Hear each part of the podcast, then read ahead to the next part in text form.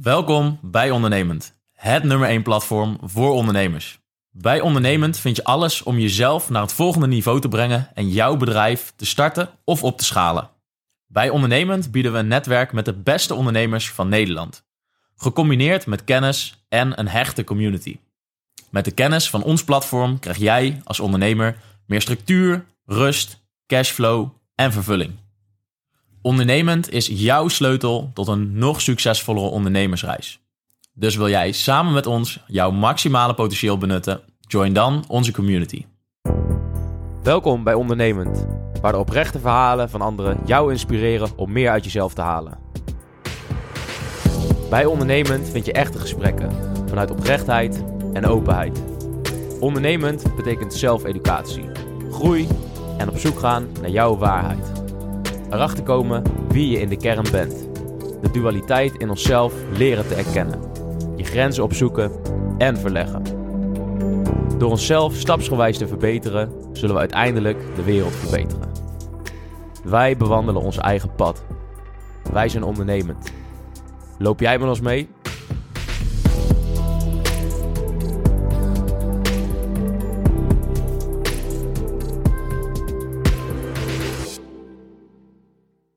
Ja, dus dat, dat uh, was voor mij in ieder geval een belangrijke les. Dat ik dacht, ja, in crisistijd moet je eigenlijk niet onderduiken of stil gaan zitten. Maar dan moet je eigenlijk juist uh, beseffen dat dan het marktaandeel herverdeeld wordt. Ik vergelijk het altijd met een, met een vliegtuig. Een vliegtuig heeft tegenwind nodig om op te stijgen. Ja, ja. En dat is eigenlijk met een goede ondernemer ook. Je moet een beetje tegenwind hebben om uh, juist er bovenuit te stijgen. Je, je moet ook je je medewerkers moet je de veiligheid geven dat ze alles mogen zeggen eh, tegen je om iets nieuws te bedenken. Ja. Maar een, een plant die vlak bij elkaar gezet wordt, die heeft die strijd aan te gaan om, om ja. zonlicht te krijgen. Die wil snel Dus die boven. steekt zijn energie blijkbaar in, in groter worden als zijn buurman. Zeg maar. Ja, precies. Ja, ja, ja, dus, dus concurrentie is helemaal niet erg. Ja, en ik heb overigens helemaal geen hekel aan mijn concurrent hoor. Mhm. Dus ik, ik, ik, kan daar goed mee over het algemeen uh, met alle concurrenten. En, uh, en uh, ik, daar moet je ook geen ruzie mee maken. Dat, dat, zo, zo bedoel ik die strijd helemaal niet. Je, Mhm. je moet alleen wel, ja, je moet slim als sluw, Ja. dat soort dingen zijn. Want dat is ondernemen ook. Hè. Je, Ja. moet, je moet wel, ja, die, die, die klant moet je toch, die moet bij jou binnenkomen en, en blijven. En, en Ja. ja, Ja. Daar, daar moet je moeten voor doen. Welkom bij een nieuwe aflevering van Ondernemend de Podcast. We zijn hier uh, vanmiddag uh, te gast op de woonboot. We zitten nu uh, letterlijk op het water en we zijn te gast bij Iwan Geubel. Welkom Iwan. Dankjewel, hi. hi. Goedemiddag. Hi boys. Nou, wij kennen Iwan hier uit de buurt en zijn hem eigenlijk leren kennen als, als ondernemer. Al van jongs af aan ken ik eigenlijk Iwan wel als, als, als voorbeeldondernemer uit de buurt. Ben ik ooit als jong, jong jongetje ben ik in de fabriek geweest van Beurt Car Company. En heb ik daar hele mooie dingen mogen zien. En uh, misschien heeft dat ook wel ergens een, een zaadje geplant uh, wat, wat leidt tot, uh, tot dit, tot ondernemen de podcast en een eigen bedrijf. ja, Ivan, we hebben een hele, hele rits, een hele waslijst heb ik hier meegenomen met allerlei achievements en, en titels. Ja. Dus in 2005 beste ondernemer uitgeroepen. Ja. keynote spreker ook nog. En, en daarnaast natuurlijk van, bekend van de Beurt Car Company. De grootste sportwagenfabrikant volgens mij in Nederland. En ook de, de meest duurzame. Ja, zelfs hebben we ooit. gelezen. Ja, ooit ook nog. Dus, en daarnaast een eigen boek geschreven, Eco-winst. Ja. Eco-winst uh, voor woningen. Samen met Sarah, hè? Mijn ja. Uh, ja. toenmalige vrouw. Ja, yes, dus een hele, hele waslijst. Dus we zijn uh, vereerd om jou in de podcast te mogen hebben. En uh, we, we, zijn ervan overtuigd dat uh, wij en de luisteraars een hoop van kunnen leren. Dus zou je, zou je iets over jezelf willen vertellen? Hoe is Burton tot stand gekomen en uh, wie is Ivan Geubel? Ja, nou, alles begint. Uh, elk bedrijf heeft een begin, maar een leven ook. En mijn leven is uh, ongeveer 50 jaar geleden begonnen in Roosendaal bij Berg op Zoom in Brabant. en daar woonden we op een mooie boerderij en daar hadden we ruimte zat. En mijn ouders waren allebei kunstenaar van beroep. En ja, dat zorgde dat wij veel gereedschap tot onze beschikking hadden. En mijn vader was ook nog gek op oude auto's. Dus die had altijd een stuk of 10, 20 klassiekers uh, om zich heen. En uh, ja, daar zijn we eigenlijk een beetje mee besmet. Dus mijn broer en ik, mijn broer is drie jaar ouder als ik. En uh, ja, wij uh, kregen de kans om eigenlijk eigen dingen te ontwerpen. en dat werden natuurlijk al heel snel autootjes, zeg maar. Hè? Dus dan moet je voorstellen dat wij een jaar of drie, vier, vijf waren, dat wij al mochten knutselen. Mijn vader had één verlamde arm. En dat was als kunstenaar best uh, ingewikkeld. Ja. Uh, dus uh, daardoor met name mijn broer, die mocht al op hele jonge leeftijd meelopen met mijn vader. En die, die ehm, mocht dan wat vasthouden. En ja, dat was een beetje de knecht en de, en de meester. Ja. Waarmee eigenlijk mijn broer op driejarige leeftijd daar al mee begon. En op vijfjarige leeftijd bijvoorbeeld in één keer kon lassen. Hm. Omdat hij twee jaar had meegekeken, ja. Dat was natuurlijk een, een soort uh, leerschool, uh, onbetaalde, onbetaalbare leerschool. Ja. ja. Dus dat was een hele leuke tijd. Um, echt heel vrij. Uh, de, de, eerste buren zaten anderhalf kilometer verderop, geloof ik. En toen kwamen we, toen ik een jaar of zes was, kwamen we in Laag Soeren wonen. Was eigenlijk een mooie overgang, want er was wat meer vriendjes om ons heen en wat meer reuring. En ja, daar ging dat natuurlijk gewoon door. En mijn ouders waren eigenlijk heel makkelijk, mochten altijd vriendjes uh, spelen. En uh, ja, daar, daar zijn ook geweldige foto's van, waarin we op hele jonge leeftijd uh, ja, fantastische voertuigen en bolides hebben gebouwd, zeg maar. Hè. Ja, wij hielden van alles waar wielen onder zaten en het liefst een beetje benzine in kon, zeg maar. Ja, ja. Want dan hoefde je niet zelf te duwen of te, te trappen. Maar we hadden ook wel een geit bijvoorbeeld. En daar hadden we een soort karretje voor gemaakt. En die geit die, uh, die had wel twee standen. Hè, dus die, die kon of niet. Hè, geen, dus, dus het was of niet of vol gas. Meestal dan naar huis, zeg maar. Hè, want dat mm. wist hij dat hij eten kreeg. Maar ja, er waren geweldige tijden. En gegeven moment ja, natuurlijk gewoon school gedaan. Ik heb EO, logistiek en economie geleerd. En mijn broer de kunstacademie. En ik heb daarna nog, ja, ik zeg altijd maar een cursus op de universiteit gedaan, kennisintensief ondernemerschap. En ik wist eigenlijk al heel jong dat ik ondernemer wilde worden. dus toen ik uh, uh, 15 was, toen mocht ik met mijn ouders mee naar Amerika en daar woonde onkel George. En onkel George was vliegtuigontwerper. En het verhaal was eigenlijk nog een beetje spannend. Hij was spionage vliegtuigontwerper. En wij mochten uh, hij nam ons mee naar het Air and Space Museum in Washington D.C. En ja, daar, daar, was hij als een soort uh, gids, liet hij alle geweldige verhalen vertellen over allerlei vliegtuigen en voertuigen die daar stonden. En op een gegeven moment zei hij tegen mijn ouders: ja, jullie maken eigenlijk iets waar je trots op kan zijn. Hè? Dus elk beeld wat er ergens in de, trouwens in de gemeentereden staan er een heleboel van ja, ouders. Ja, ja. En ja, daar kun je eigenlijk trots op zijn. En en dit heb ik gemaakt. En toen stonden we bij een gigantische atoombom. en uh, ik schrok me helemaal het. Want uh, we hadden net het jaar ervoor met mijn ouders gedemonstreerd tegen atoombommen. Ja, ja. En er werd ineens werd, werd de boel duidelijk voor mij. Van ja, die man hadden, was een hele intelligente man. En mijn oom. En had een fantastische studie gedaan. Hè, want je wordt niet zomaar vliegtuigontwerper. Ja. En is naar Amerika vertrokken uh, met uh, ja, de, de, de wens om ergens bij Boeing of zo uh, aan het werk te komen. Maar dat lukte niet gelijk, omdat hij natuurlijk daar weinig kruiwagens had. Dus toen is hij in Area 51 gaan werken en ja, daar werden bommen gemaakt. Ja. Hmm. Technisch gezien fantastisch natuurlijk, een geweldige uitdaging. Alleen, ja, eigenlijk was hij, acht, hij was toen 68 en was net opa geworden. Ja. En eigenlijk niet trots op wat hij uh, op zijn leven, in zijn leven had gemaakt, zeg maar. Hè? Dus toen dacht ik, ja, ik wil wel wat doen in mijn leven dat als ik ooit opa word, dat ik met trots kan uh, terugkijken op wat ik in mijn leven heb gedaan. Ja, en, en dat, is, dat lukt aardig, zeg maar. Hè? Dus ja. Ik vertelde net, uh, zijn 15 jaar geleden uitgeroepen tot de beste ondernemer van Nederland. Mooie prijs gewonnen, 100.000 euro. Uh, hebben we alleen nog nooit gehad. Nee. Het schijnt heel normaal te zijn in de televisiewereld dat je, je krijgt een prijs wel iets, ja, iets uitgereikt krijgt, maar dan uh, vervolgens niks krijgt. Ah, dan weten we ook meteen hoe dat gaat. Ja, dan weet je gelijk hoe dat gaat. Nou ja, goed. We hebben er wel, er gingen wel veel deuren open. Mm. Uh, we waren dan natuurlijk te lang haar en we hadden een veel te stout plan voor de bank ja. in, in, die tijd. En konden dus moeilijk eh, geld eh, lenen en dat soort zaken. Dus we hebben dat allemaal met eigen middelen moeten doen. En eh, ja, dat is eigenlijk ook goed geweest. Want eh, Mhm. ja, dan, dan ga je ook gelijk snappen wat ondernemerschap ook is. Hè? Dus dat je, ja, je moet eh, met weinig middelen proberen daar een mooi product neer te zetten of een, of een mooie dienst. Mhm. Dus dat, dat was wel even in het begin een harde leerschool. Maar, eh, maar die, dus die prijs die, die maakte wel, eh, er gingen wel deuren open, zeg maar. Dus dat was fijn. Ja. maar dus, ja, wel een hele, hele historie al erachter. Maar Ja, het begon, ja. begon dus al gewoon heel jong met, eh, met helpen in de werkplaats. En, en de interesse voor eigenlijk alles wat gemotoriseerd is. En, Ja. Ja, maar ook wel ondernemerschap al. Want ik, ik had een krantenwijk, weet ik nog goed. Er waren twee krantenwijken die in elkaar liepen. Ik had er dus twee eigenlijk. Dat was de Apeldoornse krant en de Arnhemse krant. Dat was in, in de tijd dat ik in Laag-Soeren woonde.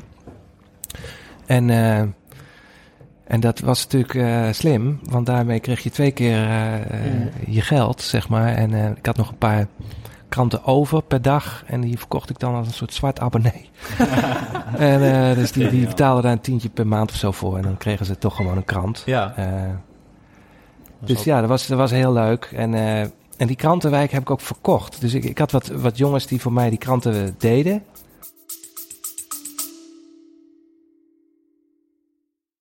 Welkom bij Ondernemend, het nummer 1 platform voor ondernemers.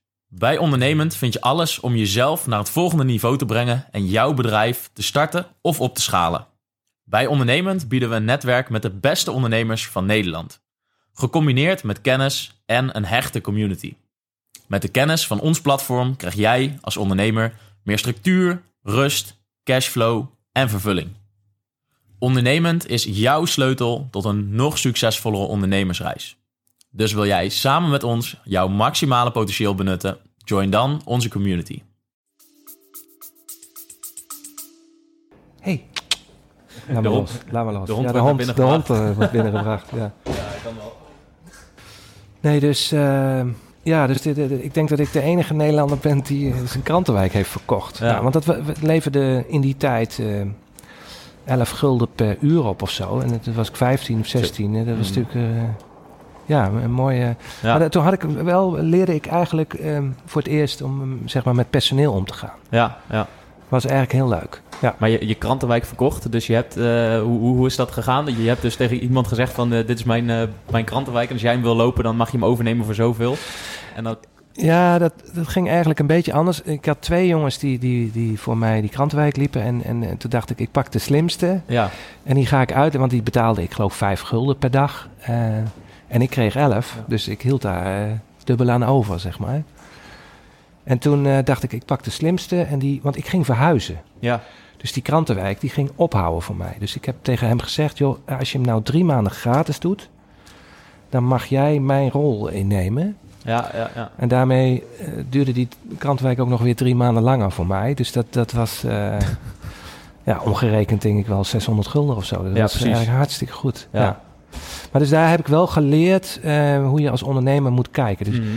je, je, je moet natuurlijk zorgen dat je wat geld verdient. En je moet eh, eh, ja, zorgen dat je meerwaarde Ja. levert, zeg maar. Hè? En dat, ja, dat, dat kan op duizend manieren natuurlijk. ja, ja. Maar 26 jaar geleden, toen was ik 24 en toen zijn wij, mijn broer en ik, zeg maar gestart met Burton Car Company. Mhm. Heette toen nog anders, Duck Hunt. En ja, dat was eigenlijk een, een bouwpakket eh, waarmee je je eigen auto kon bouwen. En Ja. dat, eh, dat gebeurde in Engeland wel meer. En eh, het was ook eerst een Engels product wat we kochten. Daar deden we wel wat dingen aan veranderen. En toen, eh, ja, zeg maar een 20 jaar geleden, toen hadden we dat een jaar of zes gedaan. En toen dacht ik, nou, we, we gaan ons eigen model maken. Hm. En dat werd de Burton. En Ja. dat is eh, ja, inmiddels de grootste sportwarenfabriek van Nederland. Nou word je dat al heel snel. ja, ja, ja, Want Nederland heeft niet zo heel veel Ja. sportwarenfabrieken. Hè? Dus je hebt de Spijker. En Spijker is eigenlijk niet meer Nederlands. Ja, En je hebt Donkervoort. eh, dat is een ja, geweldig merk. eh, op een andere doelgroep, zeg maar. ja, Andere- precies. Ja, ja. Ja, ja dus toen, toen zijn we ook echt met een eigen naam. En een, een goede naam verzinnen is nog helemaal niet zo makkelijk. Zeker als je de naam ook wil beschermen. En voor een automerk is dat nog niet zo makkelijk. Dus wij hadden eigenlijk, omdat we vroeger heten we Duck Hunt. En eh, toen dachten we, nou dan noemen we hem de Hunter. vond ik eigenlijk een fantastische naam. Eh, maar toen ik dat ging beschermen, toen bleek, ehm, ik geloof Peugeot, eh, bleek die naam net beschermd te hebben. Dus toen eh, hebben we wel 400 namen verzonnen en iedere keer een stuk of 20 en dan de beste uitgekozen. En dan bleek dat in een vreemde taal, in het Spaans, weer iets geks te betekenen. Dus dat was een hele strijd. Dat is ook een vak apart. Ja, en zo zijn we uiteindelijk op Burton terechtgekomen, omdat we eigenlijk een beetje een Engelse uitstraling wilden. En uh, Burton is ook in het Frans, La Burton, uh, mm -hmm. ook goed te doen. Dus ja, dat was eigenlijk een goede naam. En dan blijkt dat later een ski, uh, skimerk en een ja. stenenmerk en een oh, sigarettenmerk ja. en alles, ja, van alles te zijn. Ja. Maar het is niet erg. Uh, ik vind het een sterke naam en uh, we zijn er nog steeds heel blij mee. Dus vandaar dat het nu Burton Car Company heeft. Ja. Al een jaar of twintig. Uh, we zijn in 2000, in februari 2000 zijn we begonnen met de Burton te verkopen. Mm -hmm. En dat liep eigenlijk gelijk, ja, een soort van storm. dus we begonnen eerst met z'n tweeën, mijn broer en ik samen. En we kregen daar eigenlijk steeds meer personeel bij. En inmiddels mm -hmm. werken we met, ik geloof, 40 of 41 mensen.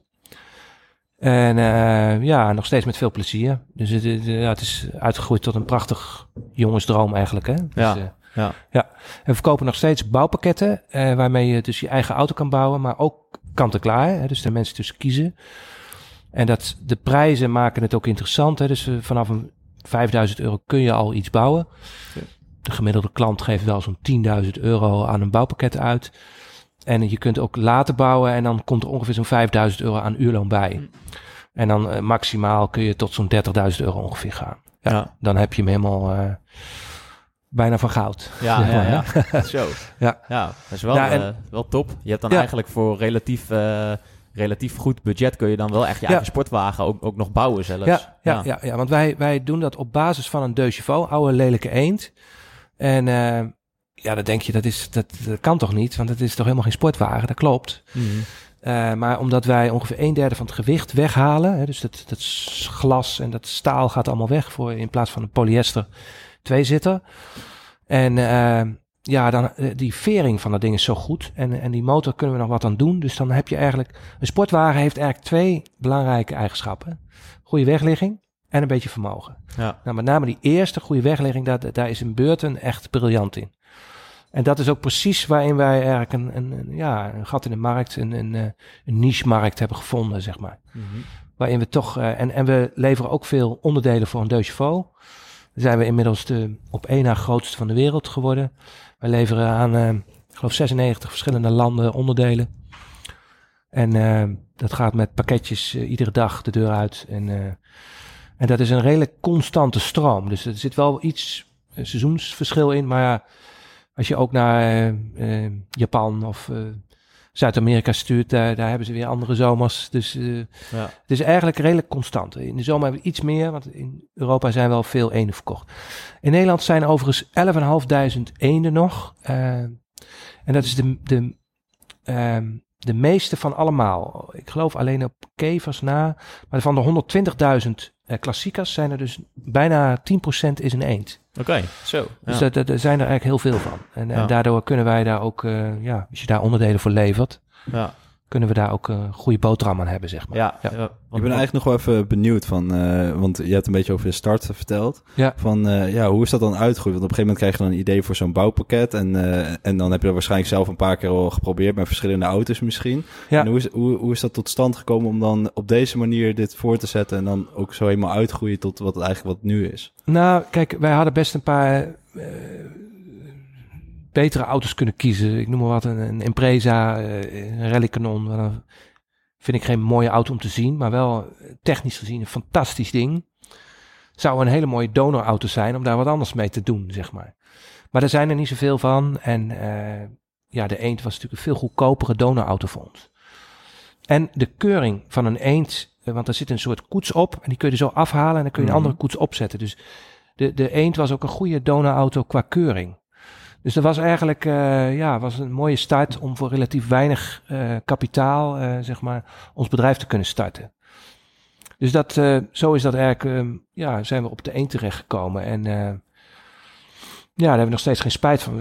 In de ene wereld er zijn, nou, de helft van de mensen van mijn leeftijd hebben ooit in een eend gereden, zeg maar. Mm. En uh, Ja, dus die, die hebben vaak ook nog een leuke studententijd er mee gehad. Dus ze hebben daar vaak ook een goed, goede fight mee, zeg maar. En ja, dus dat is eigenlijk een hele goede keus geweest van ons. Ja. ja. En uh, toen zijn we meestal in een crisis, dan ga je veranderen, zeg maar. Dat was bij ons een duidelijk voorbeeld. In 2008 hadden we hè, een soort geldcrisis met die banken. En daar hebben wij besloten van laten wij nou niet alleen beurtenonderdelen maken, maar laten we ook de onderdelen gaan maken. Want ja, de technische gedeelte van, die, van die beurten bestond al uit de onderdelen. Dus was eigenlijk een hele logische stap. En ehm, ja, daar zijn wij in 2008 mee gestart. En dat ja, met echt goede producten. Dus echt kwalitatief uh, beter als wat Citroën levert. Of minstens gelijk. Hm. Ja, en daar bleek een enorme behoefte te zijn. En die wordt eigenlijk alleen maar groter. Dus, dus, dus die olievlek die we gecreëerd hebben met de onderdelen, die uh, is een belangrijk um, been waar we op staan als het gaat om de financiën, zeg maar. Hè? Dus uh, daar, daar, kunnen we nou, gewoon goed geld aan verdienen. Ja.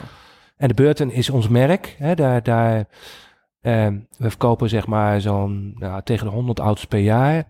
Uh, daar kun je natuurlijk geen 40 man mee in, in dienst houden. Dus de, de, de, de geldmachine zit meer aan de kant van de onderdelen, zeg maar. En, en de, de, de, de branding, de, naam, zeg maar, zit meer aan de, aan de Burton Sportscar, zeg maar. Ja, precies. Ja. ja. Ja, En dat is een goede combi. Ja. ja. Ja, dat is wel echt uh, complementair aan elkaar ja, gebleken. Ja, ja. ja. dus nog, nog even terugkomen op die crisis, want we hebben nu eigenlijk weer een crisis natuurlijk. Um, dat is, kijk, um, in, in goede tijden, dan, dan groeit een bedrijf eigenlijk gemiddeld naar wat de, de, zeg maar de, de, de markt ook groeit. dus, uh, en met name op het moment dat het slecht gaat, dan gaat de consument die gaat veel beter kiezen. Van ja, ik heb nou eigenlijk maar, ik heb geen 2 euro, maar maar 1 euro om uit te geven. Mhm.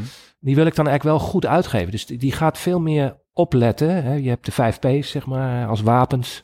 Ja, Om de strijd te winnen van je concurrent, collega's, zeg maar. En, uh, maar die, die consument gaat in crisistijd veel beter opletten. Dus in, in, in goede tijden kun je, zeg maar, uh, omzet uh, groeien. En in slechte tijden kun je marktaandeel veroveren, zeg maar. Ja, dat is ook precies bij ons gebeurd. Dus, dus we hebben in slechte tijden hebben wij ons nek uitgestoken, zijn wij wat anders gaan doen, of er eigenlijk iets bij gaan doen. En dat bleek, uh, ja, dat werd beloond eigenlijk doordat wij daar uh, ja, mm -hmm. nog veel harder groeien als dat uh, de ja concurrenten zeg maar deden. Ja, dus eigenlijk door die crisis hebben jullie echt die, die tak ja. erbij genomen ja. als, als extra mogelijkheid van, oh, daar kunnen we nog een doorgroeien. Nou, het was eigenlijk meer uit een soort angst van, ja, als we nou uh, die crisis, uh, straks hebben we nog de helft van de mensen hier lopen. Ja, ja, ja. ja. Dus toen hadden we geloof vijf man personeel en we dachten, ja, we, we houden er straks twee of drie over als we niks doen. Mm -hmm. Dus en, en dat... Uh,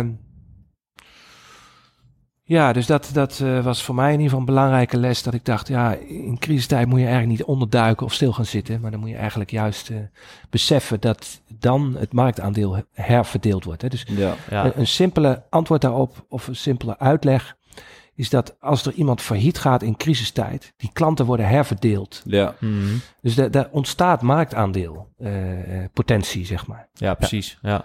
Dat is wel een hele mooie. Want zagen jullie eigenlijk toen ook in de crisis, zeg maar 2007, 8, toen dat echt begon, dat de, de verkopen in sportwagens ook echt terugging dan? Of was dat, ja. bleef dat bij jullie eerst nog uit? Nee, ja, ja, we merkten al wel iets. Kijk, er is wel een verschuiving. Hè? Dus de dure sportwagens, ja. daar gingen mensen nu ineens iets zelf bouwen en, Ja, dus- en, en voor weinig iets kopen, zeg maar. Dus dat viel eigenlijk wel achteraf gezien wel mee. Maar daar hadden we wel angst voor, want er was wel angst in de markt toen. Ja. Mhm. ja. Dus dat, ja, dat, uh, nou ja, zo doen, zodoende leer je eigenlijk. Hè? Ja, precies.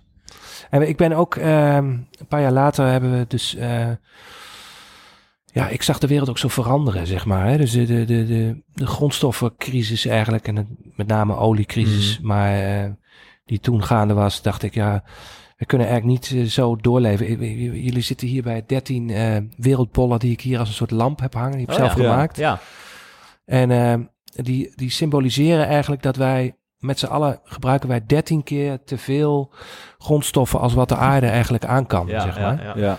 Dus vandaar dat hier 13 wereldbollen uh, hangen. En ik, ik kreeg kinderen uh, samen met Saar. En uh, ja, daar, daar um, um, vond ik eigenlijk dat ik, ik iets.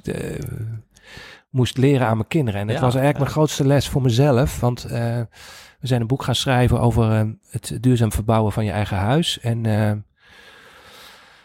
ja, dat was gewoon eigenlijk ons eigen huis verbouwen. En dat hebben we een beetje op een leuke manier opgeschreven. Met name Sarah heeft daar een belangrijke rol in gehad. En daar hebben we een boek gemaakt uiteindelijk zijn we nu eigenlijk hebben we ons derde boek is net klaar eh, sinds een paar weken en uh, eco-winst en ja daarmee willen we eigenlijk laten zien dat dat zeg maar iets duurzaam maken, hè, iets iets verbeteren wat wat minder footprint voor de voor de wereld heeft zeg maar, dat dat ook heel winstgevend kan zijn. Mm. Uh, dus inmiddels nu met die crisis met die oh, met die gascrisis zeg maar oliecrisis uh, die veel te duur aan het worden is. Uh, we zijn mensen nu ook wel wakker geworden, maar ja, wij waren dat jaren geleden al. Ja, ja. Waarin we gewoon zagen ja, dat, dat er hoog rendement te halen is als je je dak isoleert of je. Mm -hmm. Dat dat echt wel uh, percentages zijn die je bij een bank echt kan vergeten, zeg maar. Dus, ja, precies. Dat je eigenlijk, dus, eigenlijk heel mooi rendement kan maken ja. door een investering in je eigen huis. Ja, en dan ook nog voor iets wat eigenlijk goed voor de wereld is. Ja. Dat, dat, dat moet je gewoon doen. Ja. Twee vliegen in één klap. ja. ja. Nou, dat is nog wel een hele mooie om aan te halen. Dus, dus je kwam eigenlijk gaandeweg, uh, ja, ben je ook een boek gaan schrijven of dan samen. Ja. En uh, zijn er in, op je pad als ondernemer natuurlijk meerdere dingen telkens bijgekomen. Ja, ja, ja. ja. Alleen zie je dus wel eigenlijk een trend terug van uh, ja, toch elke keer dingen oppakken en, en weer nieuwe dingen ja. verzinnen, uitbreiden. Ja. creatief bezig eigenlijk. Ja, ja zeker. Ja. ja. Dat vind ik ook uh, mooi aan ondernemers. Nu ook in die crisistijd. Hè, dus er zijn echt wel een paar branches die het heel zwaar hebben. Dus de horeca of de, nou ja, zo kunnen nog wel een paar noemen. Dan zie je toch dat er een paar toch creatief eh, proberen dit te overleven. En dat heb ik dus, dat bedoel ik eigenlijk met dat marktaandeel. Dan gaan er een paar afvallen omdat die denken, ja, dit, dit, dit, is niks. Mm. Ja. Dat betekent dat straks als die markt weer aantrekt, dat je ineens met minder uh, restaurants uh, in dezelfde vijver zit te vissen. Ja. ja. En dan gaat het ineens weer uh, bijna te goed, zeg mm. maar. Ja, precies. Ja, en dan, daar kun je dus van profiteren, naar mijn mm. idee. ja. En eigenlijk bijna in elke branche wel. Verandering is voor een goede ondernemer eigenlijk goed. Hè? Dus tegenwind. Ik vergelijk het altijd met een, met een vliegtuig. Een vliegtuig heeft tegenwind nodig om op te stijgen. Ja, ja. En dat is eigenlijk met een goede ondernemer ook. Je moet een beetje tegenwind hebben om uh, juist uh, erbovenuit te stijgen. Mm Ja. ja. Dus juist in die momenten van tegenwind, juist je creativiteit gebruiken om, om juist misschien op dat moment iets anders of wat, wat er wel bij hoort te gaan doen, maar waar je juist weer wat nieuws kan leren en dat later ook weer kan toepassen in je bedrijf. Nou, kijk, een ondernemer wordt vaak door buitenstaanders gezien als risicovol of zo, weet je. Ja. Ik heb dat bij mezelf nog nooit gezien. Ik geloof in wat ik doe en ik zie helemaal geen risico's, zeg maar. Hè? Misschien hmm. wel te weinig. Maar uh, ja, je, je zit er zo in en je weet eigenlijk waar de markt naartoe gaat of wat de klant vraagt. Of, uh, en ondernemerschap, ik heb zag laatst iets van Buffett. Uh, mooi stukje waarin hij uh, benadrukte dat hè, je kunt uh, met je vijf P's kun je, je kunt de prijs heel goed hebben of je product heel goed hebben of je leuk personeel hebben, nou ja, mm -hmm. of goed personeel. En, maar, maar waar je, waar elke ondernemer voor kan zorgen, is dat hij zijn klant, hè, dat is eigenlijk zijn baas. Want uh, ja, je kunt altijd zeggen, ja, ik heb vrijheid als ondernemer, maar ja, je klant is de, is de, de, de strengste baas die er bestaat eigenlijk, zeg maar. Ja, hè? Dus die, die, nou ja, jij levert hout aan mij als jij uh, het een keer niet goed doet. Ik, ik zeg het waarschijnlijk niet eens tegen je. Mm. Ik mhm. ga gewoon bij een ander kijken, zeg ja, maar. Precies, ja, uh, nou ja, dus dat, dat, uh, dat moet je goed beseffen. En, en, uh, en, en uh, dat was een ook een podcast waar ik naar zat te luisteren. En uh, die man zei eigenlijk van, joh, het is niet zo heel moeilijk het ondernemen. Je moet je, je klant, hè, die zorgt voor je, je inkomsten, zeg maar, die moet je gewoon echt, echt in de watten leggen en tevreden houden. Mm. Zorgen dat die een fan van je wordt, zeg maar. Hè? Ja, en er ja. zijn nu heel veel middelen voor ook. Hè? Dus als je een tevreden klant hebt, die, die, die, die brengt dat naar buiten.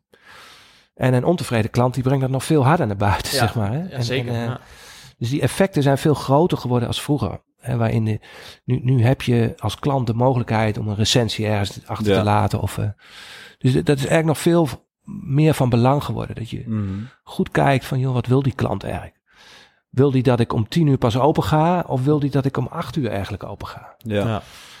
Tien uur is lekker en die vrijheid als ondernemer, die kun je pakken. je, je, moet eigenlijk ook wel naar je baas luisteren. En dat is die mm. klant. Ja, uiteindelijk, ja. En dat doen wij goed, geloof ik. Dus daar, daar, daar zijn wij goed in, omdat we en onszelf goed kunnen verplaatsen in die, in die, in die auto's. Hè, die, die, die, die, hobby die we eigenlijk verkopen. We verkopen eigenlijk geen product, maar een hobby. Ja, precies. Ja, ja. Ja, daar, daar was ik al klein, als klein jongetje wist ik precies wat ik, uh, wat ik leuk vond en niet leuk vond, zeg maar. Dus daar kunnen wij ons heel goed in verplaatsen. En uh, ja, als je dat kan, dan kun je dus ook goed uh, zorgen dat hij tevreden is. Ja, juist. Mm -hmm. ja. ja, heel mooi. Ja, wat je zegt eigenlijk van je verkoopt geen auto, maar je verkoopt een hobby. Dus het gaat meer ja. om de beleving daarachter en het ja. hele totaalpakket natuurlijk. Ja, ja. ja. klopt. En zo, zo, zie, ja, zo zie je het dus zelf ook wel echt. Dat het, dat het iets Burton eigenlijk iets groters is. Is alleen de, ja, zeker. De auto. Ja, ja, ja, ja. ik merk dat ook. Wij, je zit daar achter je, zie je een plaatje van. Hebben we een rally georganiseerd. Ja. Eigenlijk is dat leuk ontstaan. We wilden een mooie film maken over wat er allemaal met een Burton kon. Mhm. En, uh, en toen hadden we bedacht, ja, laten we nou de, de tien leukste klanten. Nou hoop ik niet dat er veel klanten luisteren. uh, en die niet zijn uitgenodigd. Maar ik, wij, wij hadden, zeg maar, je, je, krijgt op een gegeven moment ook wat vrienden binnen je klantenkring. Ja, en uh, hadden we gedacht, we, we kiezen de, de tien leukste klanten. En die gaan we eens bellen. En dan gaan we tegen zeggen, joh, uh, je moet wat geld overmaken. Duizend euro was het toen. Uh, en, dan, en dan gaan we een fantastische uh, rally organiseren. Maar we zeggen niet waar naartoe. en dat bleek eigenlijk het succes te zijn. Ja, ja. want ik, ik had eerst een lijst van 10 en daarna had ik nog een lijst van 30. Uh, en ik ben niet eens verder als 10 gekomen. We hadden negen plekken, eigenlijk 10 plekken uiteindelijk is, zijn er geworden. Mm -hmm. En er heeft er geen één nee gezegd. Dus die 10 zei allemaal, ja, maar dat wil ik ook. Ja. Dat, dat vind ik een avontuur. Dus dat, dat was uh, geld overmaken. Uh, ze moesten de auto inleveren, een week van tevoren. En we zeiden niet waar naartoe. Mhm. Mm -hmm. En de eerste keer zijn we naar Marokko gegaan. Fantastisch land. Ik wist niet dat het zo uh, veelzijdig land was. Hè? Dus je hebt woestijn, uh, je hebt bergen, je hebt uh, koud, je hebt warm. ja. ja. Alles zat in zich. Dan zie je ook die kameel die net oversteekt daar. Hè? Dus, oh ja. ja, echt een geniaal plaatje. Ja, ja. ja. Midden in de woestijn. Ja, dit was... Ja. en ja... nou ja, dat is een fantastische film geworden. Voor de luisteraars die dat leuker vinden, moet je even zoeken op Project 9 en dan Beurten erbij. En dan zie je op YouTube een uh, geweldig filmpje daarover. Ja. Negen dagen, uh, 9 september zijn we vertrokken en uh, hm. negen auto's zijn er uiteindelijk tien geworden. Dat was een beetje steggelen. Ja. er paste er tien op een vrachtwagen en, dat was het duurste deel van de, hm. van de reis. Mhm. Dat was het transport naar uh, Zuid-Spanje en daar, uh, vanaf daar zijn we dan... Met de boot. Ja. En twee jaar later, want we doen het om de twee jaar zijn we naar de Balkan geweest. Zijn we een land, ik geloof zes landen of zo gehad. En dat was ook fantastisch. Heel ander gebied. Ja. Uh, veel ruiger, veel meer bos, zeg maar, als wat we in Marokko hebben gezien. Maar uh, ja, en het is een soort vaste groep geworden. En het leuke is dat er verdwijnt eigenlijk niemand meer uit, zeg maar. Mm. Ja, de, als iemand zijn plek opzegt, dan krijg je hem nooit meer terug. Zeg nee, maar, nee, dus nee. Ze, ze, zijn allemaal bang om, uh, om niet te gaan, ja, zeg maar. Precies. Dus, dus uh, dat is een hele leuke groep geworden. En uh, vorig jaar konden we niet. Uh, zijn we wel een klein ritje naar, naar uh, om iets te doen, een paar dagen naar, uh, naar Luxemburg gereden. Oh ja, ja. En dat noemden we de laffe tittenrit. Omdat dat maar een laf ritje was ten opzichte ja. van die andere ritten, zeg maar. Dat was uh, ja, ook lachen. Toen zaten we op Oh, een mooi. camping met allemaal Hells Angels-achtige types. En uiteindelijk waren eigenlijk wij de stoerste. Want zij kwamen dan met een... Uh, de, de Red Devils of zoiets waren daar, geloof ik. En uh, ja. er kwam er dan één met zijn vrouw en met een aanhangertje. kwam die met zijn uh, prachtige motorfiets daar naartoe rijden. En daar werd hij uitgeladen, zeg maar. En vanaf daar ging hij dan verder rijden. Ja. Ik denk, ja, een echte stoere kerel, die rijdt natuurlijk zelf. Ja, die precies. rijdt er even naartoe. zeg Ja, maar. ja, Dus, ja. Oké. Nou ja, goed, dat doen wij eigenlijk ook niet, want wij laten dan die auto's daar naartoe verplaatsen. Maar dat heeft meer met tijdgebrek te maken. Want Ja. ik heb uh, met mijn beurt, en dat is beurt nummer 00001, de eerste ooit, Mhm. uh, daar heb ik inmiddels 680.000 kilometer mee gereden. Zo, En daar wil je jeetje. eigenlijk een miljoen kilometers mee Ja. maken. Ja. En dan hoop ik dat er daarna een museum is die hem uh, dan uh, juist, op, juist met uh, miljoen kilometers neer wil zetten. Dus niet helemaal gelikt. Dat Ja. Nee, vond ik nee. wel leuk. Ik vind het ook nog wel heel interessant, want naast de auto's, eh, voor mij ontwikkelen jullie ook een hele hoop andere producten. Ja. En dat vind ik ook wel, ja, dat komt dan creatief natuurlijk weer heel mooi naar boven. Heb je nog uh, ja, bepaalde producten, voorbeelden die, die, wel leuk zijn om te vertellen? Ja, dat heb ik wel. Ja, we hebben, ja, van alle, wij ontwikkelen zeg maar tussen de 25 en 50 nieuwe producten per jaar. Mm Vroeger deden we dat ook wel veel voor andere bedrijven. Dus we hebben bijvoorbeeld uh, ja, de Celebrator, dat is een vibrator op basis van een elektrische tandenborstel. hebben we er uh, 700.000 van verkocht. Zo, weet je. Uh, en uh, ja, hartstikke leuk. We hebben ontzettend gelachen. Vooral in de testfase was dat leuk.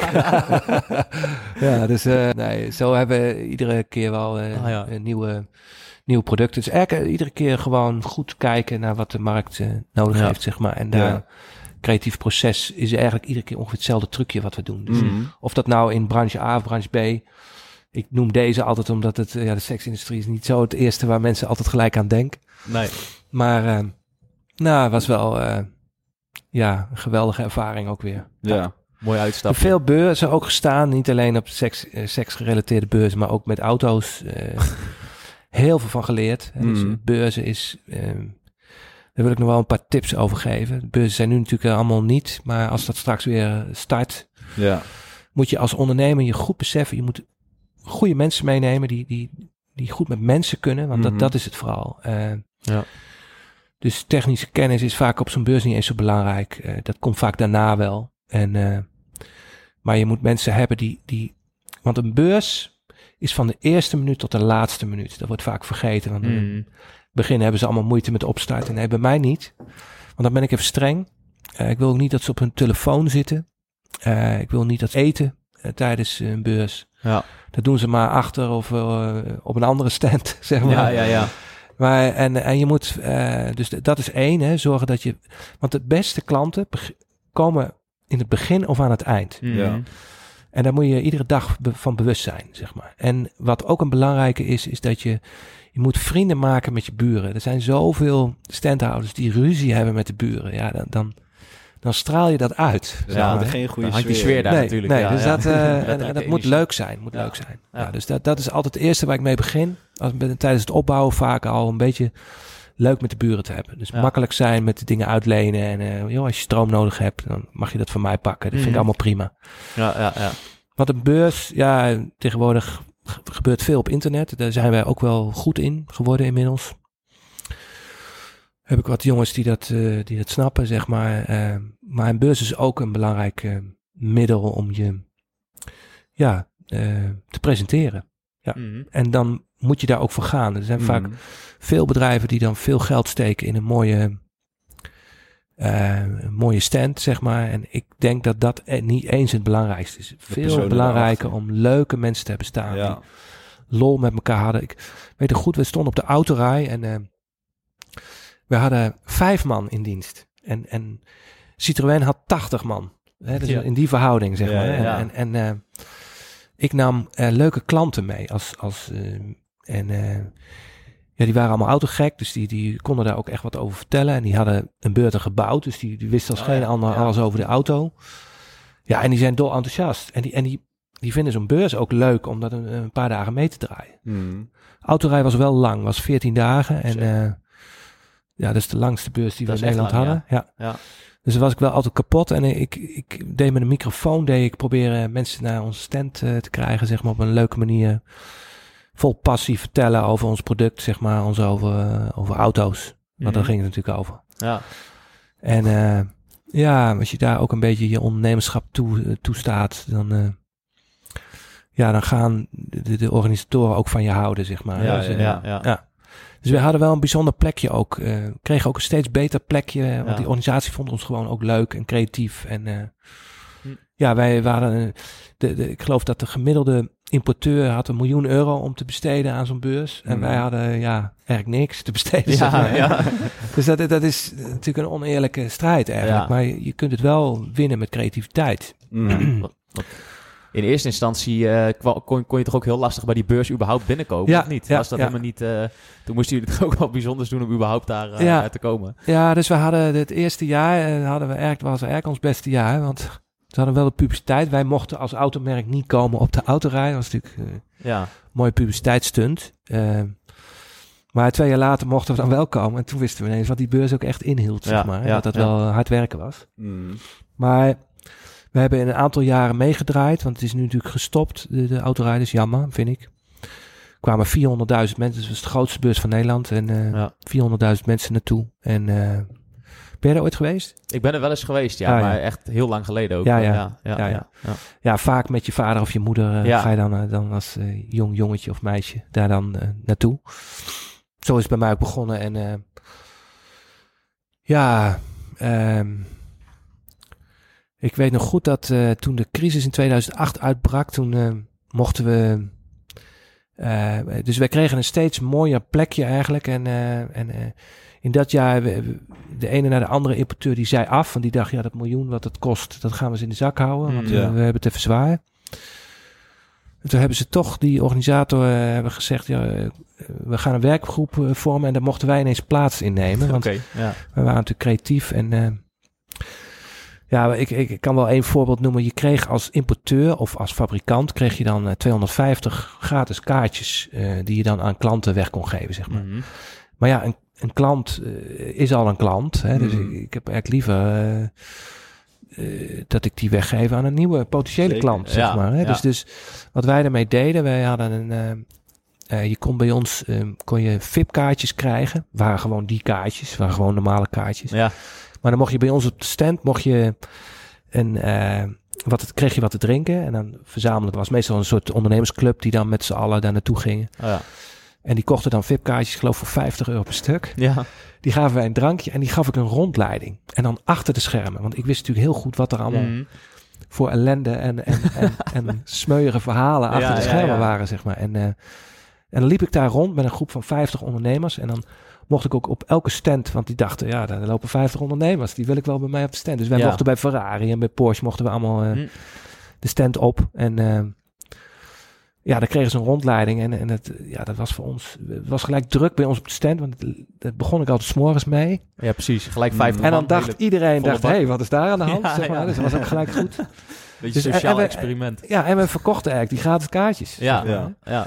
En die organisatoren, die zagen dat wel. En ik, ik heb dat bij paardenevenementen gezien. Dat is, daar heb je, mm. zeg maar, het, ik noem het even het gewone volk, hè, die daar mm. dan uh, een dagje naartoe gaat. En je hebt de VIP's. Ja, ja, ja. En iedereen wil bij die VIP's horen natuurlijk ja, ergens. Die dan achter de schermen lekker ja, wat mogen zuipen. En, mm. uh, dus daar had ik dat wel gezien. En ik vond eigenlijk dat de autorij dat ook verdiende. Dat, dat je daar ook als VIP naartoe kon, zeg maar. Hè. Ja. Er was wel een VIP-avond, maar ja, niet iedereen kan dan. En uh, veel clubs die daar, hè, autoclubs die daar naartoe gaan. En, en die dat eigenlijk met z'n allen ergens een een plek willen hebben. Om, dus we hebben geld verdiend aan de autorijd. Terwijl de meesten daar geld uitgeven. Dat is wel echt heel bijzonder. Ja, ja, dat is wel ons, ons, beste jaar hadden we zelfs geloof ik 17.000 euro of zo hielden we over aan de autorij. Zo.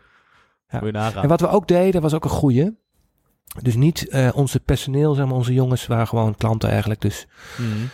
die, die stopten we niet in een hotel, maar in een huisje. Want dan konden we namelijk achteraf konden we met elkaar even evalueren, zeg maar. Hè? Dus mm. elkaar een beetje gek maken van ja, dat was een gave klant en dat moet je erg zeggen. En eh, je, oh ja. je, zo leerde je van elkaar, zeg maar. Ja.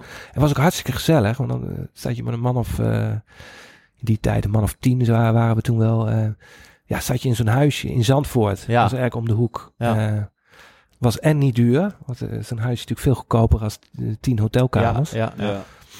En uh, heel gezellig met elkaar uh, mm. eten koken en uh, borrelen. En ja, hartstikke leuk. Mm. Ja, gewoon twee weken lang op stap, zeg maar. Ja, dat was het. Ja. Ja. Wel heel vermoeiend, maar wel ja, geweldige tijd. Ja. Want dat vind ik ondernemen, hè? laten we mm. eerlijk zijn. je hebt toch ook wel heel veel vrijheden, want je, je, je kunt natuurlijk zelf bepalen of je naar de autorij gaat of niet. Of, nou, of je dingen organiseert. Of, ja.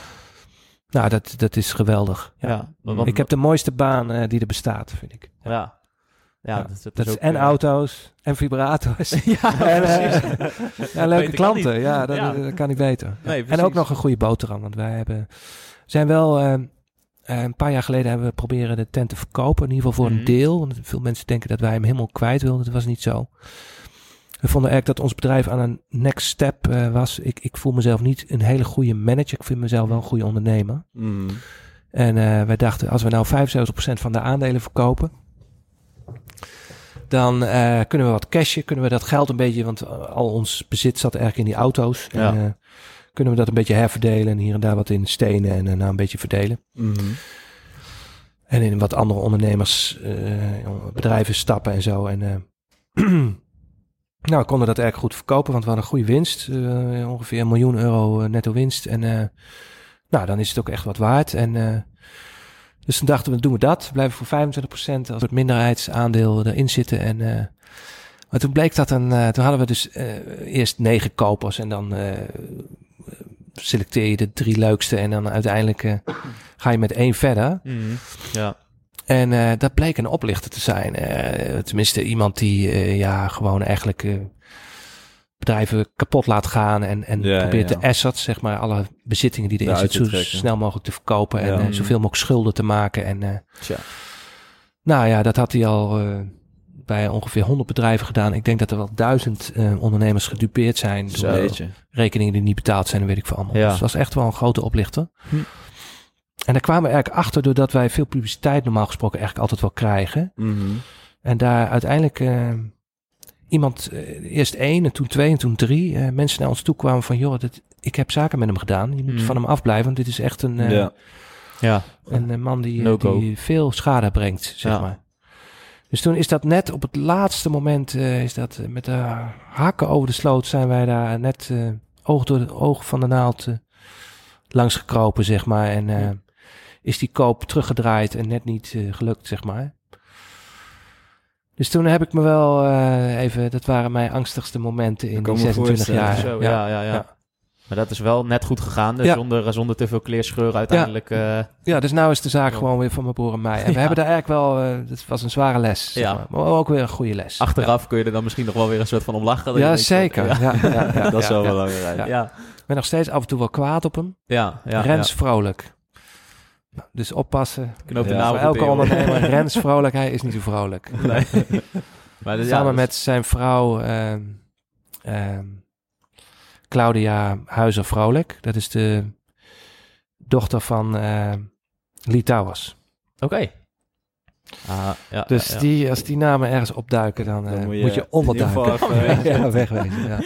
Oh ja. Ja. Maar het was wel weer een hele goede les. En eh, misschien dat we in de toekomst nog wel eens weer eens een stap gaan maken. Maar Ja. ik ben wel heel even genezen. Ja. Zeg maar. Ja, Nou, precies. ik kan me Ja. voorstellen. Ja. En nu ook geen, geen plannen meer daarna gehad om... eh, Nee, om- wij zitten, mijn broer en ik zitten een klein beetje, we zitten wat in wat onroerd goed eh, te rommelen. En we hebben eigenlijk al wel wat geld, zeg maar. eh, verdienen natuurlijk, eh, ja, meer dan wat ik op kan maken. Want ik, ben, ik heb helemaal geen duur leven. Mhm. En eh, ja, en eh, we, we, we hebben nog steeds eigenlijk heel veel lol. En, eh, Ja.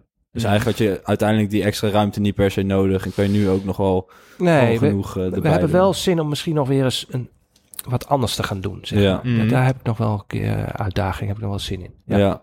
Ja. En ik heb ook wel zin om eh, mijn kinderen of andere ondernemers een beetje ja, een soort van te gaan steunen en eh, Mhm. Mhm.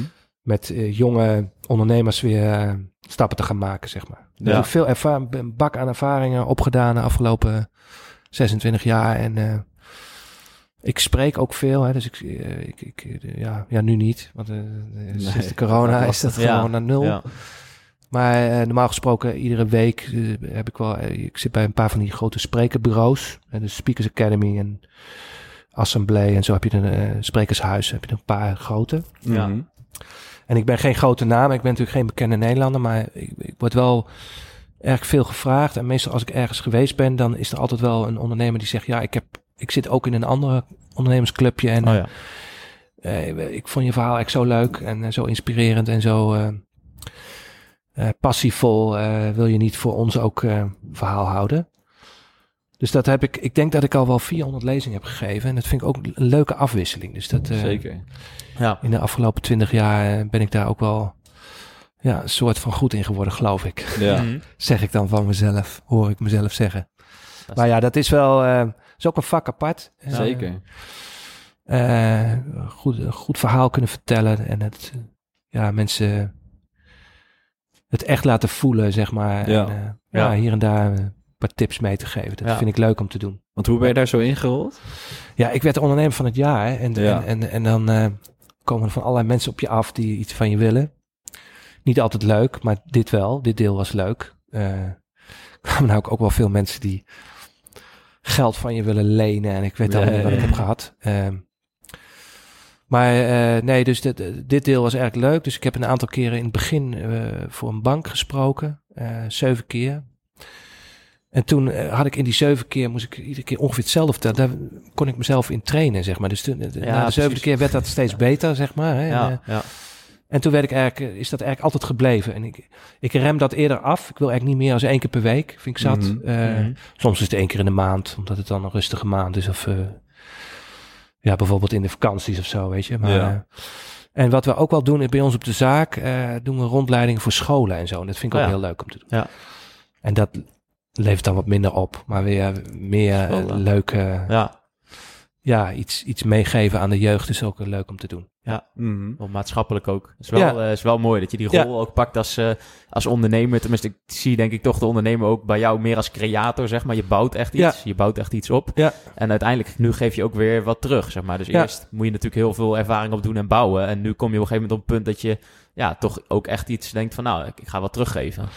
Ja, nou, ik, ik, ik dacht eerst aan mijn kinderen, zeg maar, maar ik Ja. merk dat ik dat veel breder wil. En ik, kijk, ik, mijn ouders, ik heb veel van mijn ouders geleerd. Een kunstenaar is ook een ondernemer. Mhm. Ehm, en daar heb ik veel van geleerd. En eh, dat wil ik ook voor mijn kinderen zijn. Hè? Dus een, een, Mhm. een leermeester, zeg maar. En, eh, maar ik merk dat dat eh, natuurlijk ook voor vreemden kan zijn. En ik, ik kom uit een creatieve familie. eh, en wij, wij hebben geleerd hoeveel, hoeveel waarde creativiteit heeft binnen een, binnen een bedrijf, zeg maar. hè. Dus Mhm.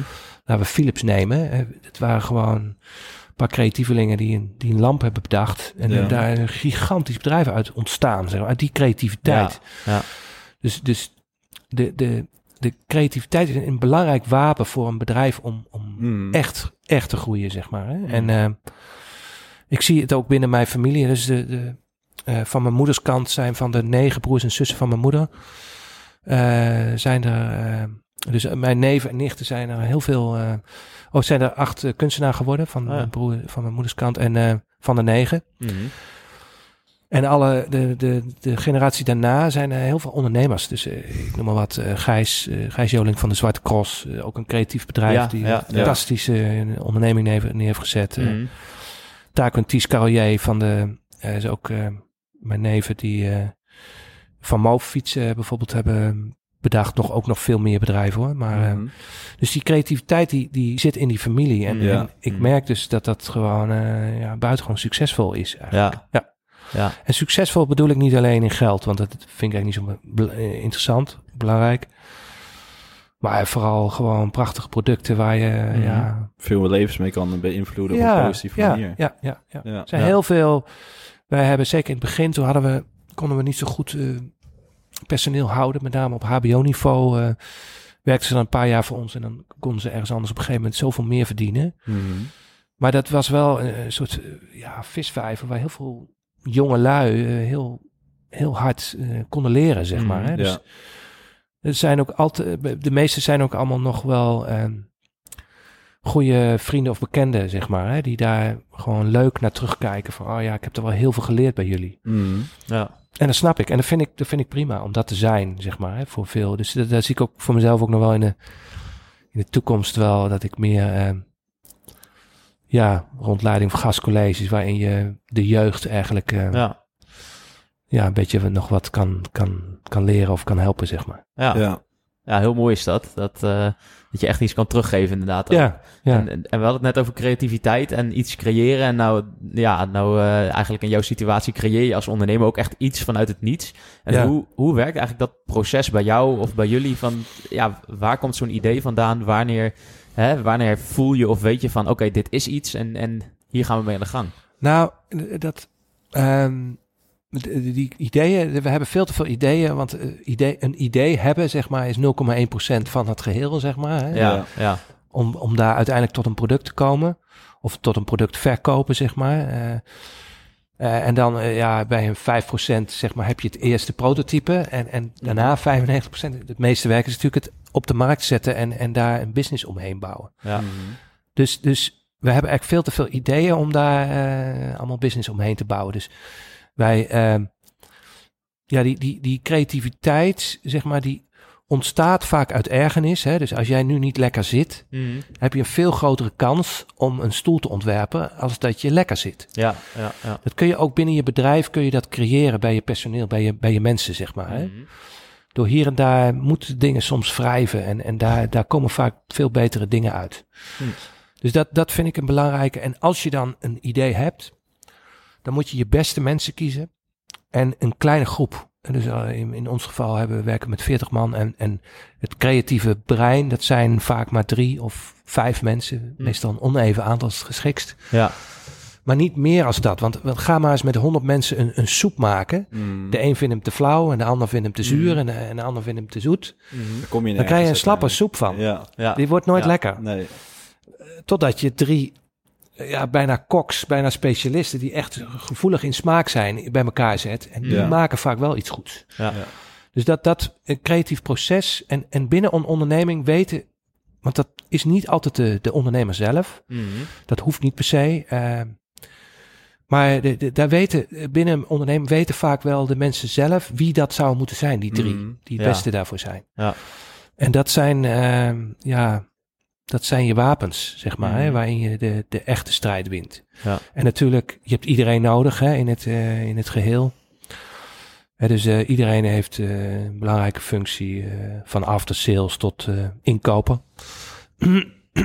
maar met het creatieve deel kun je wel grote stappen maken, zeg maar. Ja. Ja. Kijk naar Tesla of kijk naar ja, elke, elk product wat je om je heen ziet, is vaak met iets een creatief proces begonnen, zeg maar. Ja, Maar daarin is het dus ook niet alleen de ondernemer die per se echt eigenaar bij wijze van spreken moet zijn van het creatief proces, maar het Nee, is zeker niet. verzamelen van de juiste mensen. Dus, ja, ja. ja, nee, ik, ik vind ook dat je, je, je moet ook je, je medewerkers moet je de veiligheid geven dat ze alles mogen zeggen tegen je om iets nieuws te bedenken. Ja, Ja. Kijk, als nou iemand dat honderd keer per dag doet, ja, dan, maar dat doet niemand. Snap je? Die snapt ook wel dat dan eh, de grens wel een keer bereikt is. Maar je, Ja. moet, je moet je veilig voelen als, als werknemer, moet je veilig voelen om dingen te veranderen. Mhm. Ondernemerschap, als je het woord opzoekt in het woordenboek, dan staat daar eh, eh, iets nieuws beginnen. Mm. Ja, dat dat ja. is het dus eigenlijk. En, en, die, en dat kun je natuurlijk nooit alleen. Je bent nooit alleen de beste. Ik ben helemaal niet de beste. Er zijn Mhm. mensen die veel betere ideeën hebben of in een veel breder scala. Dus ik, ik, heb, ik ben niet zo heel computertechnisch aangelegd. eh, maar er zitten jongens bij mij die daar veel meer van afweten en die met goede ideeën komen. Ja. Mm. Ja. En waar wij vrij makkelijk ja tegen zeggen. Van nou, gaan we proberen. Ja. Doe maar. Ja, Eh, ja. Ga maar eens wat doen. Mm. Ja, Mhm. En, dan, en dat vinden ze soms dan eng, want dan hebben ze ineens eh, een budget van 50.000 euro waar ze ineens over mogen beschikken. Ja, Ja, dan precies, worden ze ineens even eng, zeg ja, maar. ja, ja. ja. Mm. Maar die, die, die veiligheid, die moet je je, je mede, mede-collega's geven. Hmm. Dat dat altijd mag. Dat iedereen met ideeën mag komen. Ja, precies. Ja. En dan moet je ook soms creëren door eh, een leuke avond te organiseren met een beetje wijn of bier Ja, erbij. ja, Of, Ja. Niet dat dat altijd werkt hoor, maar, eh, maar dat, dat, ja, dat, dat eh, want een idee kun je niet zomaar, ehm, dat, dat ontstaat ineens, snap je? Dat kan s'nachts zijn of dat kan Mm. eh, onder de douche zijn. Of, en, en, ja, als je, wij, wij werken met 40 man, ja, ik haal het natuurlijk niet in mijn hoofd dat ik de enige ben die, eh, Mm. die de beste ideeën heeft. Nee, maar, precies. Ja. Ja. Ja. Dus juist heel erg bewust zijn van, eh, van het feit dat er misschien mensen zijn die die dingen misschien wel beter kunnen Ja, dan jou. En ja, ja, hun dan ook dat maar laten doen. Ja. En de ruimte geven en de verantwoording geven. Ja. Verantwoordelijkheid, ja.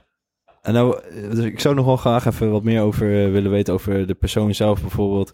Als jij, had je, heb je bepaalde routines eh, dagelijks die je uitvoert om, om scherp te blijven of met bepaalde ideeën om te gaan of bijvoorbeeld creativiteit op te wekken door, ik geen idee, wandelingen of iets dat je bij jezelf... Ja, ik, ehm, ik lees wel veel, ik volg veel. Hè, dus ik heb ook met die lezingen, hoor ik goede andere sprekers waar ik ook van geïnspireerd raak en ook goede ideeën van krijg. mhm.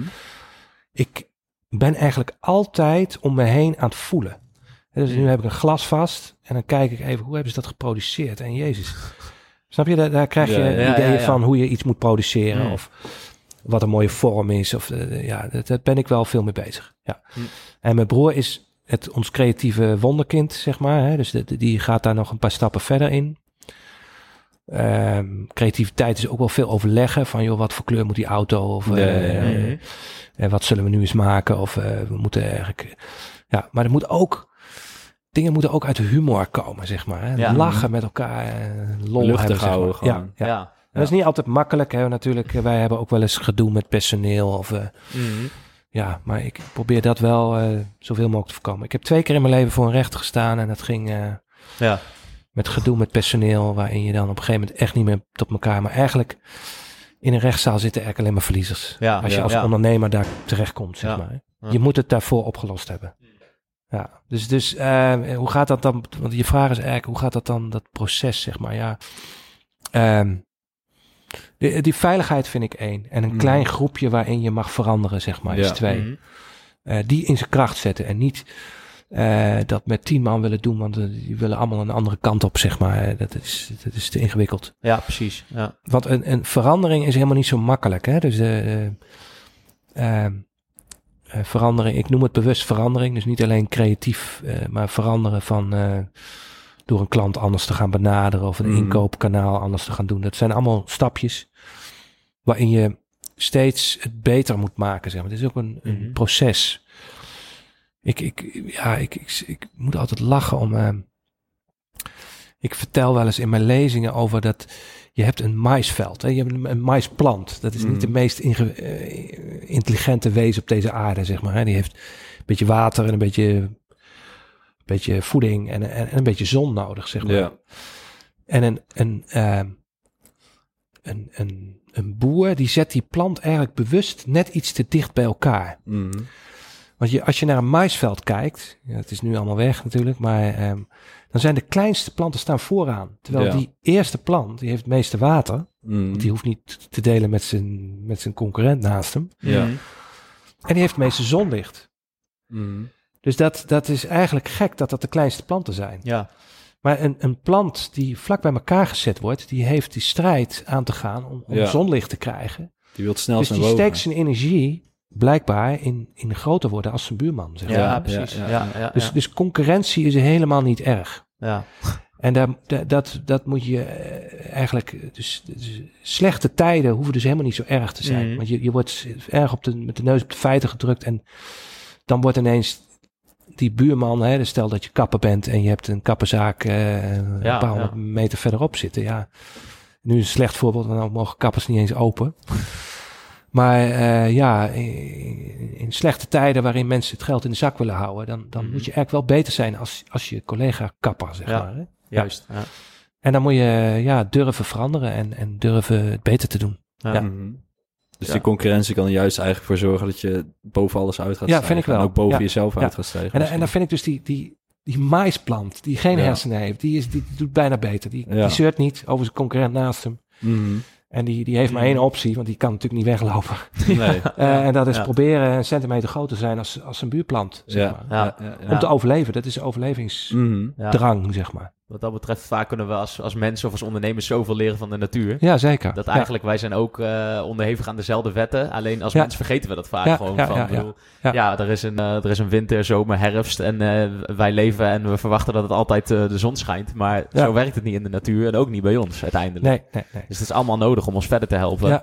Alleen vaak is dat perspectief dan niet, niet helemaal aanwezig. Van, ja, dat hebben wij ook nodig. Ja, en ik heb overigens helemaal geen hekel aan mijn concurrent hoor. Dus mhm. ik, ik, kan daar goed mee over het algemeen uh, met alle concurrenten. En, uh, en uh, ik, daar moet je ook geen ruzie mee maken. Dat, dat, zo, zo bedoel ik die strijd helemaal niet. Je, je mhm. moet alleen wel, ja, je moet slim als sluw, ja. dat soort dingen zijn. Want dat is ondernemen ook. Hè? Je, ja. moet, je moet wel, ja, die, die, die klant moet je toch, die moet bij jou binnenkomen en, en blijven. En, en ja. Ja, Daar, daar moet je moeten voor doen. Maar wel uitgaande van je eigen kracht, zeg maar. Ja, ja, ja. Mhm. Dat is toch hartstikke leuk om, om die proberen binnen te houden. En, en niet met slijmen, maar met echt, met echtheid, zeg maar. Mhm. Ja, nou dat vind ik denk ik ook wel mooi, ook aan, uh, aan, aan jou en jullie bedrijf en ook aan je broer, zeg maar. Bij jullie is het ook vanuit toch denk ik een bepaalde echtheid. Ja. misschien ook heel natuurlijk zo gegroeid. Want ja. het, het, is niet misschien per se dat je heel erg uh, bij wijze van spreken er echt aan staat te trekken van ik wil dit, ik wil dat. Maar gewoon het, het, het, het groeit op een bepaalde manier. Ook op, op, de, op de manier dat bij jullie past. Ja, ja, ja, ja. ja. Dat is wel heel Nou, mooi. het is veel mensen die wel eh, tegen ons zeggen: Oh, jullie zijn zo authentiek gewoon. Mhm, mhm. Het is echt. Ik voel, het voelt echt. Ja, Mhm. ja. Ik heb, ik heb ooit één keer een klant gehad. Die, ze moeten bij ons aanbetalen. En dat duurt dan eh, twee maanden voordat ze de body krijgen. Mhm. En al die, ik heb me dat nooit zo bewust eh, over nagedacht. Maar al die klanten hebben nooit gevraagd van, ja, zit het wel goed hier? En, Ja, ja, Er was één klant die dat vroeg. Die zei, ja, Ja. maar eh, wat voor zekerheid krijg ik eigenlijk? Ja, zeg ja, maar, ja. hè? Ja, ja. En toen ben ik daarover nagedacht. Jezus, ja, dat is eigenlijk zo. Ja.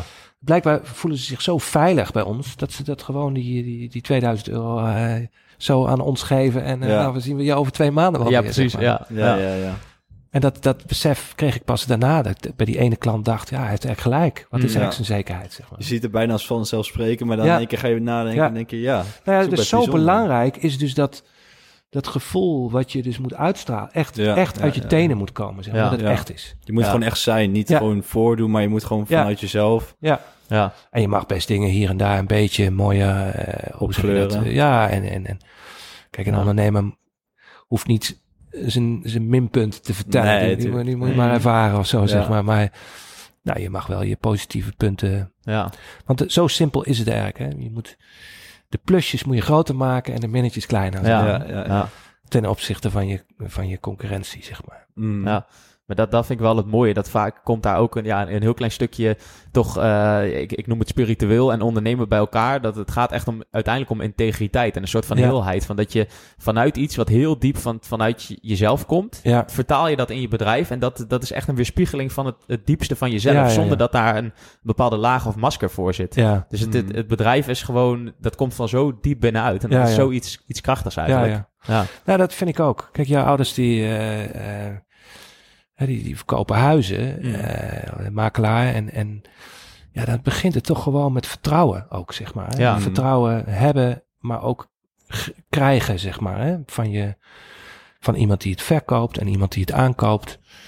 Ja, en, en dat, dat kun je zo snel beschadigen hè, door één slechte deal. Ja, dat, Mm.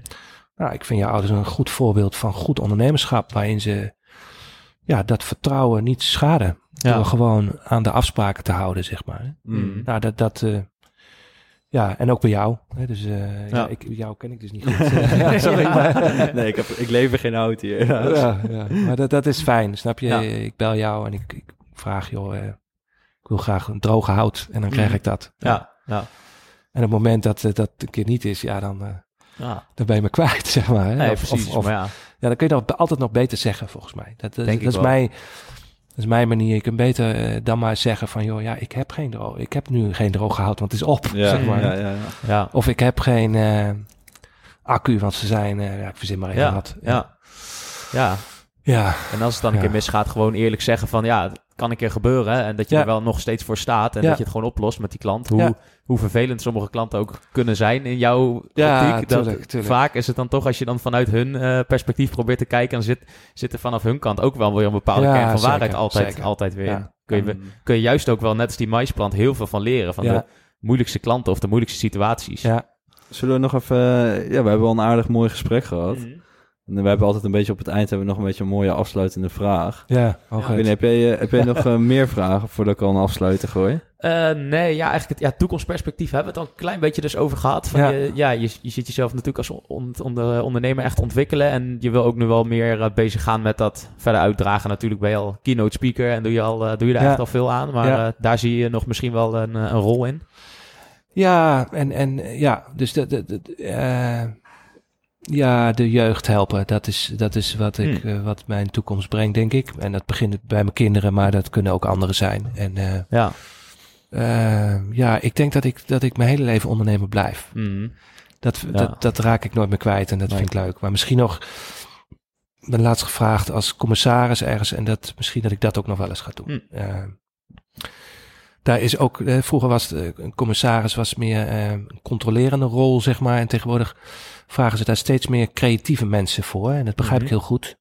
Dus ik begrijp ook wel dat ze mij daarvoor gevraagd hebben. En, eh, maar eh, ja, misschien, eh, dus ik, ik, ik wil echt van alles nog. Ik ben nog lang niet klaar. Ja, precies. ja. ja. Ja. Het is altijd moeilijk te voorspellen natuurlijk wat er allemaal nog eh, Ja, op je pad komt. Ja, Ja, ja, ja.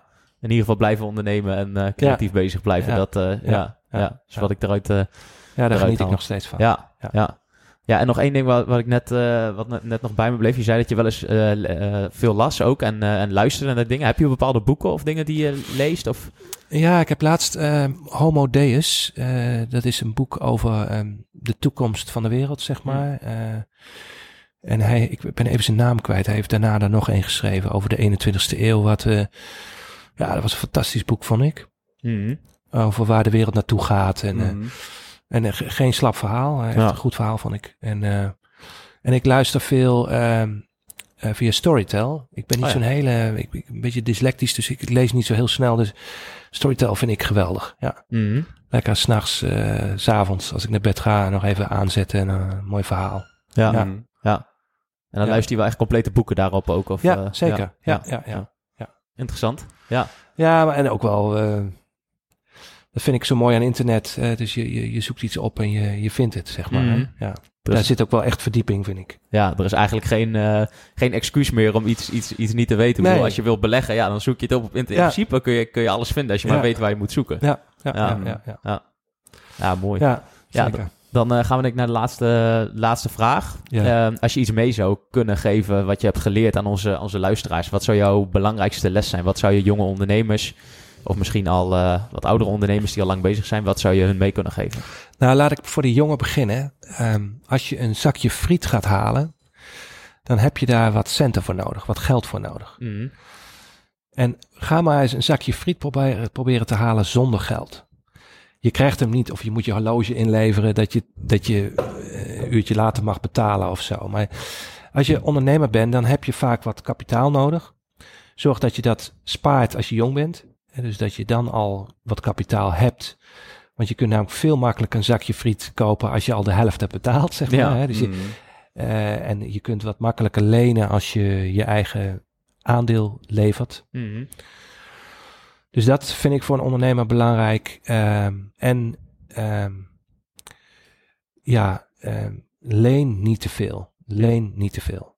Ja. ja dat blijkt nu wel weer. Kijk, nu, nu is het heel interessant, want de lening kost drie keer niks. En uh, je hebt lekker inflatie, dus het geld wordt meer waard. Maar daar komen echt wel weer momenten waarin lenen wel geld kost. En mhm. dan kan het best ook tegen je werken, zeg maar. Dus ja, dus dat uh, wil ik meegeven. En, en uh, als laatste, maar die hebben we eigenlijk al behandeld, is zorg dat je echt bent. Echt.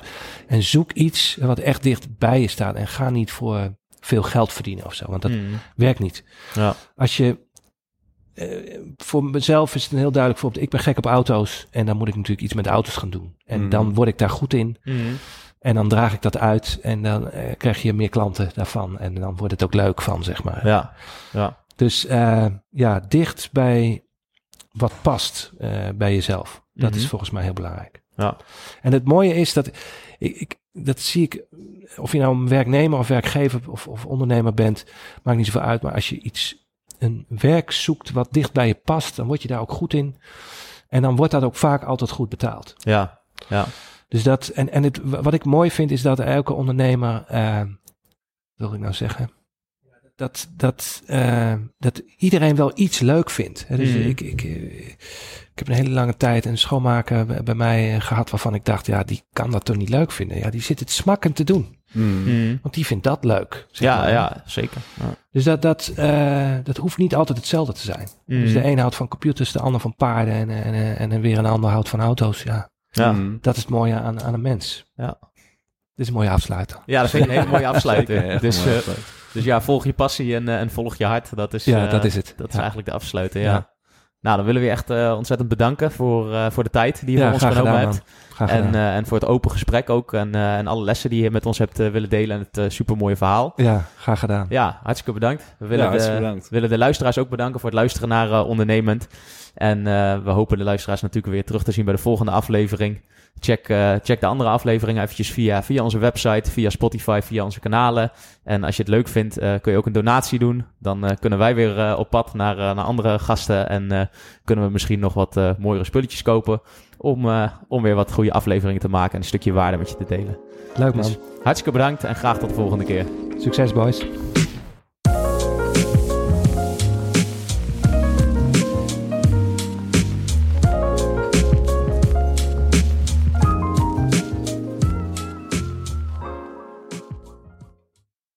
Welkom bij Ondernemend, het nummer 1 platform voor ondernemers. Bij Ondernemend vind je alles om jezelf naar het volgende niveau te brengen en jouw bedrijf te starten of op te schalen. Bij Ondernemend bieden we een netwerk met de beste ondernemers van Nederland, gecombineerd met kennis en een hechte community.